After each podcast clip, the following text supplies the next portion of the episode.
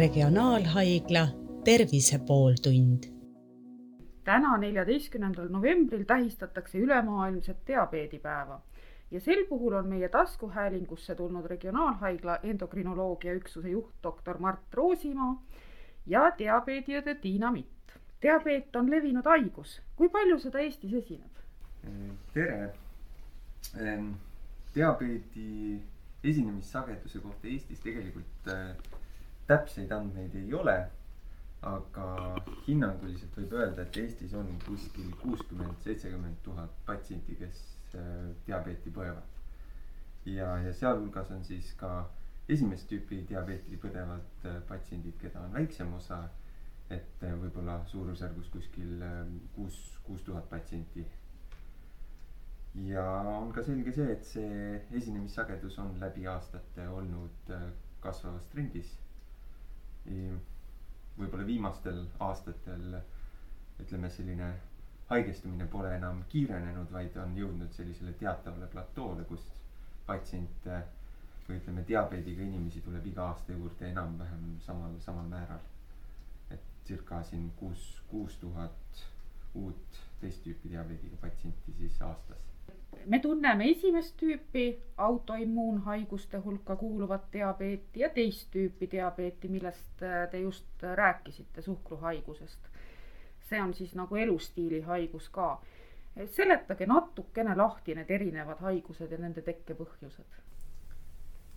et tõesti, äh, seda diabeeti on mitut sorti ja eks eh, nad mõlemad on selles mõttes sarnased, et mõlemal puhul on eh, probleem just nimelt eh, sellise veresuhkru taseme regulatsioonis. aga, ja see on ka nende haiguste ainukene selline, ütleme, ühine nimetaja. et tegelikult põhjused on neil täiesti erinevad. et võib-olla esimest tüüpi suhkruhaigus, esimest tüüpi diabeet, et seda tuntakse rohkem kui selline, sellise lapseeas algava haigusena. ja selle puhul siis on põhjuseks selline autoimmuunne protsess ehk siis protsess, kus organism kahjustab iseennast ja ta kahjustab eh, omaenda kõhunääret, mis siis vastutab sellise hormooni tootmise eest, sellise aine tootmise eest, mis tagab veres stabiilse veresuhkru väärtuse ja, ja probleem ongi just selles, et see kõhunääre selle kahjustuse tagajärjel enam ei toimi ja inimene jääb kogu eluks sõltuma siis äh, süstitavast äh, äh, siis insuliinist. ja teist tüüpi diabeedi puhul äh, need põhjused on äh,, ütleme, varieeruvad rohkem. väga sageli tekib ta ikkagi sellises äh, ütleme vanemas, ütleme keskeas, äh, vanemas eas ja üheks selliseks kõige peamiseks faktoriks, mis selle esile kutsub, on ikkagi äh, rasvumine. ja, ja tegelikult ka muud äh, eluviisidega seotud tegurid, sihukene väheaktiivne eluviis. Ähm, ütleme kindlasti äh, see noh, toit, toitumine. ja see suhkruhaigus avaldubki just nimelt selle tõttu, et oma kõhunääre küll töötab aga ta ei saa enam selle liigse veresuhkruga hakkama. et ta ei, lihtsalt ei jaksa nii palju insuliini toota, kui oma organism vajaks. kas inimesed teavad piisavalt nendest äh, kahest haigusest, millised on kõige levinumad väärarvamused mõlema diabeedi osas? ütleme endokrinoloogi vaatenurgast patsiendid enamasti jõuavad äh, vastuvõtule siis, kui see haigus on juba varasemast diagnoositud ja nad te tegelikult ähm, mingil määral on sellega kursis. et ähm, noh, ja võib-olla see on ka selline natukene erialane, kuidas ma nüüd ütlen, selline ootus, et, et ma juba eeldan, et see patsient natukene nagu teab sellest haigusest. et võib-olla siin isegi diabeediõed äh, oskavad selle kohta täpsemalt öelda, et kui patsient nüüd käib minu vastuvõtul ära, siis väga sageli selline esialgu eh, esimese diagnoosi saanud patsient, me suuname edasi diabeedi vastuvõtule, kes siis juba selgitab patsiendile natukene kõiki neid ütleme, enesejälgimist, eh, eluviise ütleme muud sellist praktilist, mis selle diabeedi ravi ja jälgimise juurde kuulub. Tiina, oskate siit natukene kommenteerida? et noh, et mis on üks selline levinud arusaam on muidugi see, et et küsimused, olgem ausad, sellised küsimused, et äh, miks ma haigeks jäin, ma ei söö suhkurt. et see on nagu selline põhiline väärarusaamine, et kõik tuleb ainult liigsest suhkru söömisest. ja teine, mis on siis juba, juba kaasneb siis raviga. kui äh, ravi teatud aeg on toiminud ja veresuhkrud normaliseeruvad, et siis arvatakse, et äh, veresuhkrud on korras, siis võib ravi ära jätta, et noh, need äh, absoluutselt ei äh, teadvusta endale, et sellised kõrgenenud veresuhkrud teevad laastavat tööd organismis. et nad kahjustavad veresoonkonda, perifeerset närvisüsteemi ja sellest edasi juba organid, ükski organ ei saa töötada ilma toimiva verevarustuseta ja närvitalituseta. Et äh, vot see on nagu see põhilised asjad, just see ravi ärajätmine, kui veresuhkrud normaliseeruvad ja, ja, ja siis noh, muud sellised teised on nagu võib-olla vähem, vähem ette tulevad asjad, aga neid ikka jätkub nüüd igasugustel ära aru saama. millal inimene endal diabeeti kahtlustama peaks? sageli on diabeet täiesti ütleme asümptomaatiline ehk inimene ei, ei tunnegi seda mitte, mitte kuidagi. me räägime siis nüüd sellest teist tüüpi diabeedist, eks ole. see on, eh, kehtib küll teist tüüpi diabeedi kohta, aga noh tegelikult vastab see tõele ka sellise algava esimest tüüpi diabeedi puhul, kui see veresuhkru ainevahetuse häire on juba olemas, aga ta ei ole piisavalt väljendunud veel sellel antud hetkel, et inimesele endast kuidagi märku anda. et esimest tüüpi diabeedi puhul tõesti, kui haigestumine toimub lapseeas, siis see haigestumise pilt on üsna selline markantne tavaliselt äh, ähm, vanemad saavad siiski kohe aru, et lapsel on midagi valesti. Ähm, ja, ja, ja kõige tavalisemad asjad, mida siis näha võib, on selline väga rohke joomine, väga rohke WC-s käimine, võib-olla ka kehakaalu langus mm. -hmm. ja kuna see tekib suhteliselt kiiresti, üldiselt äh, nädalate või võib-olla ka mm, ütleme kuu-paari jooksul et siis äh, lapse eas see diagnoos tuleb tegelikult äh, väga kiiresti nende sümptomite algamise järgselt mm. -hmm. Aga täiskasvanu eas ähm, väga sage on siiski see, et äh, see suhkruhaigus leitakse tegelikult juhuslikult. et mingisuguse muu tervisekontrolli käigus. väga tüüpiline on ähm, ütleme, kas siis töötervishoiuarstil mm -hmm. analüüside tegemine või siis äh, autojuhilubade jaoks tervisetõendi uuendamine, kus äh, muuhulgas selgub, et veresuhkru tase on kõrgem, kui, kui ta peaks olema. ja kui, kuna me esimest tüüpi suhkruhaiguse korral, sellel siis, mis algab lasteeas, me tegelikult ei tea täpselt, et mis on selle vallandav faktor ja ka väga raske on tegelikult sellist äh, haiguse eelsoodumust kindlaks teha, siis sellel puhul me mingisugust äh, sellist ennetavat tegevust äh, meil lihtsalt ei ole mm. -hmm. aga teist, teist tüüpi diabeedi puhul, mis on siis seotud eluviisidega, tekib vanemas eas. et tema puhul me ikkagi juba suudame natukene eelnevalt öelda, et kes on see riskirühm, et kellel see haigus üldse võiks avalduda ja kes peaksid ennast regulaarsemalt kontrollima. kordame veel kord üle, kes see riskirühm on?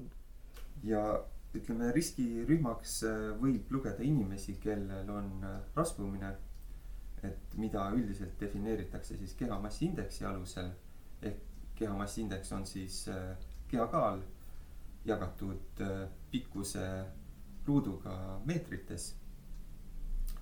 ja kehamassiindeks üle kolmekümne on siis see, mida defineeritakse rasvumisena. need inimesed, kellel see kehamassiindeks eh, nii kõrge on, need kindlasti on siis üheks selliseks riskirühmaks, kelle puhul me teame, et see suhkruhaiguse avaldumine on sagedasem. aga siin võivad olla ka muud faktorid, võib-olla riskifaktoriks ka näiteks mm, teadmine, et perekonnas kellelgi esimese astme äh, sugulastest, noh, emal, isal, õel-vennal pärilikkus. dia-, diabeet diagnoositud täp-, täpselt nii. Ja muidugi ka elu, elu sellised äh, viisid, et kui on teada, et inimene on füüsiliselt väheaktiivne, äh, toitub ebatervislikult, et siis kindlasti see tähendab äh, sellises riskigrupis olemist ja, ja, ja nendel puhkudel ilmselt on ka mõistlik silm siis mm, noh, peal hoida suhkruhaiguse võimalikel siis sümptomitel ja ka aeg-ajalt kontrollida suhkruhaiguse teke osas. kuidas siis diagnoosimine käib, et mis oleks esimene samm, kuhu inimene peaks pöörduma? esimene samm äh, tegelikult on äh, vereanalüüs ja selles vereanalüüsis me tavaliselt määramegi äh, veresuhkru sisaldust. see analüüsi on võimalik teha, ütleme mitmel erineval viisil sageli määratakse see nii-öelda juhuslikul ajahetkel. et ähm, olgu see siis hommik, lõuna, õhtu, kus siis ähm, inimene tuleb vastuvõtule, me teeme vereanalüüsi ja see vereanalüüs siis võib meile öelda, et see veresuhkur on kõrgem, kui, kui ta peaks olema. aga kuna see veresuhkru tase on siis mõjutatud väga palju toidu poolt, et siis äh, see number ei ole võib-olla alati väga informatiivne, et ta võib olla natukene kõrgem kui, kui ta oleks näiteks hommikul tühja kõhuga. aga samas äh, ta ei pruugi olla piisavalt kõrge, et me saaksime kindlalt öelda, et selle numbriga on nüüd midagi valesti, et see veresuhkur on liiga kõrge. et siis sageli äh, üheks selliseks esimeseks äh, kontrollimise võimaluseks ongi määrata see veresuhkru tase just hommikul tühja kõhuga, kus me teame, et mis ta olema peab? kõigepealt peaks siis inimene pöörduma perearsti juurde. üldjuhul see nii on, et äh, ütleme Põhja-Eesti Regionaalhaiglasse või ka üldiselt äh, endokrinoloogi vastuvõtule teistes haiglates patsiendid tavapäraselt pöörduvad mitte diagnoosi saamiseks, vaid pigem juba tol hetkel, kus see diabeet on olnud diagnoositud pikka aega ja ravi on lihtsalt jõudnud nii kaugele, et perearstil, perearst on, ütleme, hädas, et ta ei tea, mis oleks kõige järgmine optimaalsem samm ja tegelikult ta vajab lihtsalt sellist äh, välist, välist vaadet. nii et diagnoosimine tõesti sageli jääb perearstide ähm, teha. ja peale seda siis juba Eh, patsient satub eh, regionaalhaigla endokrinoloogide vaatevälja. kui nüüd rääkida väljakujunenud haigusest, siis kuidas seda ravitakse, leevendatakse? see sõltub nüüd, kui me räägime, ütleme esimest tüüpi suhkruhaigusest, kus eh, siis oma kõhunääre on täielikult kahjustunud või vähemalt suures osas kahjustunud selle diabeedi avaldumise ajaks et siis seal üldjuhul äh, põhiline osa on äh, ütleme siis insuliini süstimisel, äh, õigete insuliiniannuste valikul ja, ja siis ütleme oma toitumise ja, ja füüsilise aktiivsuse arvestamisel sinna juurde. et, et seal ei ole vajalik mingisugune selline spetsiifiline dieet, ei ole vaja piirata kaloreid, ei ole vaja tingimata piirata ka süsivesikute hulka et see on siis selline haigus, kus tuleb lihtsalt insuliini annus, süstitava insuliini annus ja oma eluviis viia sellisesse koos, kooskõlla. aga teist tüüpi diabeedi puhul, ehm, kui tegemist on sellise kergekujulise vormiga nagu juhuleiuna sage, sageli on, siis esmaseks valikuks võib tõesti olla lihtsalt eluviiside muutus et inimene ei pruugigi vajada mingisugust sellist äh, tablettravi, süsteravi, vaid esmane sekkumine ongi see, et äh, patsient vajab nõustamist ja seda nõustamist sageli osutavadki siis just nimelt diabeediõed või ka siis äh, pereõed. jah, ja noh, diabeediõenduses, et meil on siis äh, abiks lihtsalt ka sellisele verbaalsele, selle õpetusele veel ka väiksed sellised kontrollivõimalused, et äh, et äh, meil on äh, olemas siis kõrgtehnoloogiline, see meditsiiniline kehaanalüsaator, millega me saame kontrollida just äh, lihasmassi, skeletilihaseid, noh, milleks see on vajalik, et et kuna lihased on just glükoosi metaboliseerijad kõige rohkem organismis, siis me peame jälgima, et lihasmass oleks piisav. et nii, et vastavalt siis sellele mitte ainult toitumisalane nõustamine, vaid ka siis füüsilise aktiivsuse nõustamine vastavalt siis sellele, kui seal on muutused. ja, ja samuti kaalu langetamisel, et mille arvelt see kaal langeb, et me saame kontrollida, kas, kas kaal langeb siis äh, lihaste või rasva arvelt. et mm -hmm. või vee arvelt, et ka äh, selline rakusisene, rakuväline vesi on seal äh, võimalus nagu jälgida, ka selle, äh, seda on võimalus jälgida ja noh, mida me näeme, et noh, metapoolsetel inimestel tihtilugu see kaalulangus esialgu äh, toimub ikkagi selle mm, vee, vee kaotusena mm. -hmm ja alles selle järel tuleb siis äh, rasvakaotus, et noh, et äh, saab jälgida kogu seda protsessi, juhtida, aga muidugi ainult, ainult juhul, kui inimene on ise motiveeritud. ja sinna jõuame siis selle teise selle küsimuse juurde et kuidas hoida patsiendi motivatsiooni kõrgel. ja, ja, ja noh, siin on osa, suur osa, eks ju, patsiendi teadlikkusel.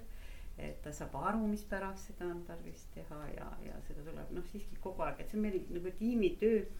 me kõik kogu aeg räägime ühte sedasama erineva nurga alt. jälle jõuame selle tagasi ja noh, et lihtsalt hoida inimene toimivana töös, et vähendada igasuguseid tulevikus tekkida võivad tüsistusi ja probleeme. kui palju aastaid teie juba olete töötanud diabeediõena? oih, ma ei mäleta ma, ma võin eksida, aga eh, me, eh, me olime eh, kaks, kaks esimest, kes said haigekassa, haigekassalt nõusoleku iseseisvaks õendustööks ja see oli, ma arvan, et üheksakümmend neli vist Teil on tõesti väga pikaajaline staaž. ja sel aastal on diabeedipäeva motoks ka diabeediõed toetavad diabeediga toimetulekut. kas patsiendid leiavad teid kenasti üles? ei, ei ole probleeme, ei ole probleeme et äh, ma arvan, et äh, siin ütleme, PERH-is, Põhja-Eesti Regionaalhaiglas on diabeediõe vastuvõtt olnud kahe tuhande kolmandast aastast ja noh, esialgu oli see natukene uudis siin ja, ja sel ajal üldse ei olnud õendustegevus väga, väga selline laialt levinud, inimesed ei teadnud seda. aga ütleme sealt õige ruttu leiti see teenus üles ja, ja noh, praegu ei ole probleemi.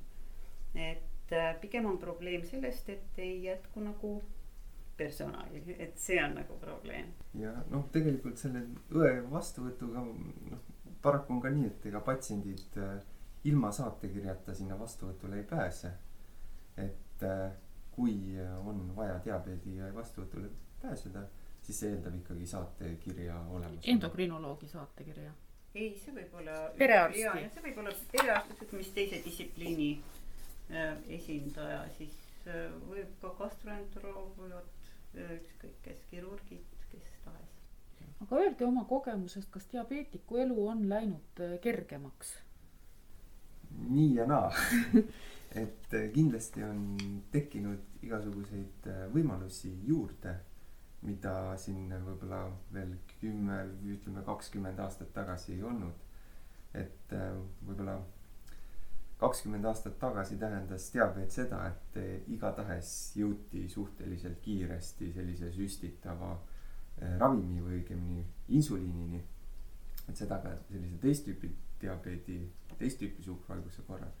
siis tänapäeval ütleme, see ravivalikute eh, ampluaa on väga-väga oluliselt laienenud ja sageli me suudame seda insuliinravi algust ikkagi oluliselt edasi lükata ja isegi äh, võib-olla astuda nii-öelda sammu tagasi, et selle insuliiniravi pealt nii-öelda isegi mõningad patsiendid ära, ära tuua.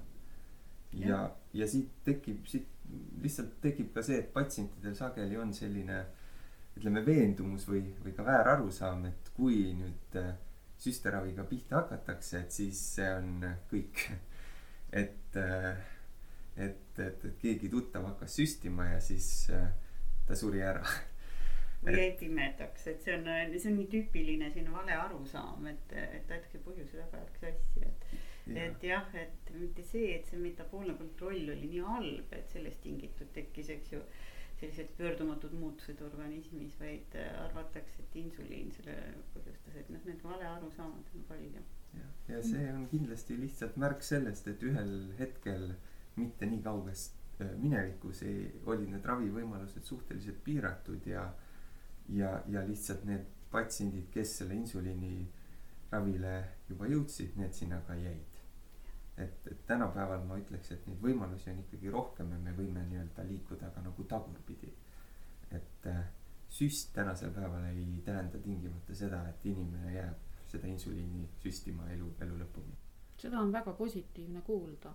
Kas oskate välja tuua oma praktikast ka mõne patsiendi loo, sellise innustava patsiendi loo, kus võib-olla ongi juhtunud niimoodi, et tegelikult äh, inimene on saanud hakkama ilma süstimata. no neid äh, patsiente ikkagi tuleb ette, et kes äh, no võib-olla mina isiklikult või endokrinoloogid isiklikult sinna väga palju selles mõttes ei panusta, et see tegelikult on äh, ikkagi suur patsiendi enda poolt ära tehtud töö. et äh, nad võib-olla on vajanud ütleme lihtsalt sellist nõustamist äh, selliste eluviiside osas ja tegelikult nad on suutnud selle suhteliselt ütleme tagasihoidliku ja lühiajalise nõustamise pealt teha sellised järeldused, millega nad ise suudavad oma ütleme igapäevast elu nii palju muuta, et on võimalik, et see suhkruhaigus ühel hetkel võib-olla algab raviga aga ühel hetkel äh, ikkagi see ravi, ravi on lõppenud ja võib-olla lõppenud isegi aastateks. korrigeerivad kehakaalu, korrigeerivad ja, toitumist.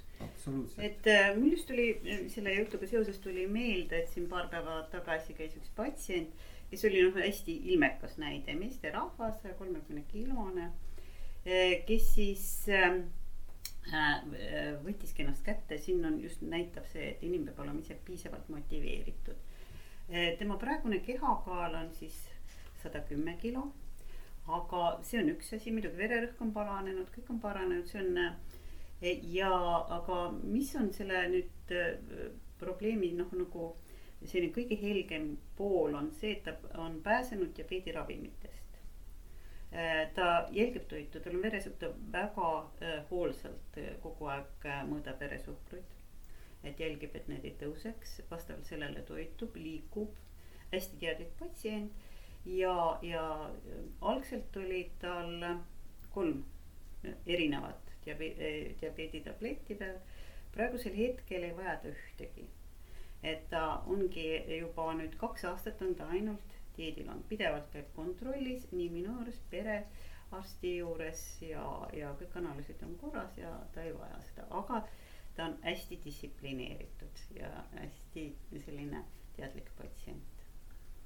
et selline patsiendi omapoolne motivatsioon on siin just juba kõige tähtsam, kõik, kõike muud saab aidata ja nõu anda ja toeks olla, aga omapoolne motivatsioon on kõige tähtsam.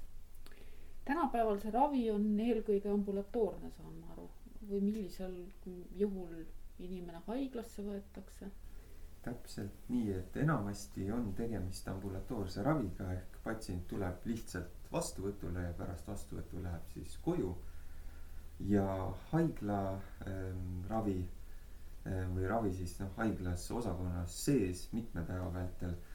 et seda, selline võimalus on meil täiesti olemas regionaalhaiglas ja seda võimalust me ka aeg-ajalt kasutame aga valdavalt äh, leiab see siis kasutust sellistes, ütleme ikkagi erakorralistes situatsioonides, kus siis patsient juba saabub äh, erakorralise meditsiini osakonna kaudu väga, ütleme siis kehvas seisus suhkruhaigusega.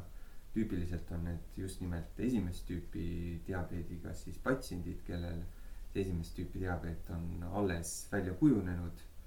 või siis ka ütleme patsiendid, kellel mingil põhjusel on see regulaarne esimest tüüpi diabeedi insuliiniravi katkenud. Et noh, kas see on siis patsiendi enda, enda algatusel katkestatud või mingisugusel muul, muul põhjusel.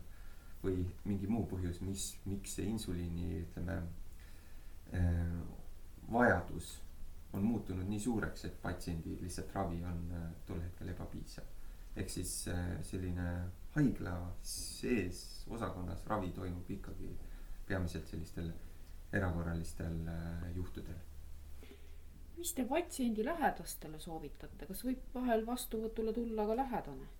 jaa, sageli käiakse koos, et äh, ja noh, seal on, see on ikkagi nagu otseselt patsiendikeskne, eks ju, kõik see nõustamine on patsiendikeskne, me keskendume ikkagi eh, konkreetse inimese probleemidele ja, ja vastavalt sellele siis, et ei ole nagu üldlevinuid selliseid soovitusi.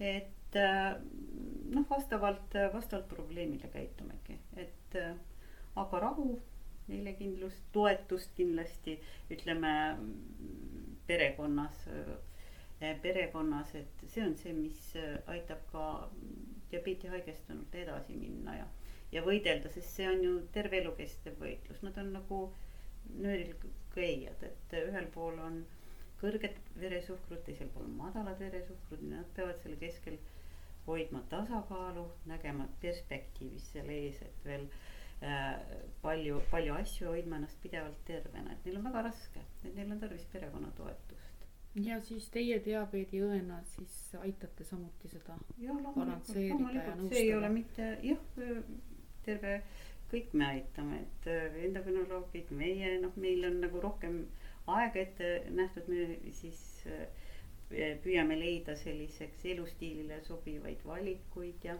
ja raviskeemile sobivaid valikuid. Just teise tüübi puhul, et seal on nagu selline nõustamisosa suurem, et esimene, esimene tüüp no seal on ka samuti esialgu, aga üldiselt esimese tüübi diabeetikud on mingi, mingi kas äh, kaasuva haiguse või selle mõjul siis lähevad tasakaalust natuke välja, siis vajavad samamoodi nõust, et noh, kaasuvaid haigusi on igasuguseid, ka gripp, ka nohupüha võib teinekord viia sellise hea öö, diabeedi tasakaalu paigast ära ja, ja sel juhul vajatakse jälle nõu, kuidas järje peale saada. kas Covid üheksateistkümne valguses peaksid diabeetikud ka kuidagi valvsamad olema?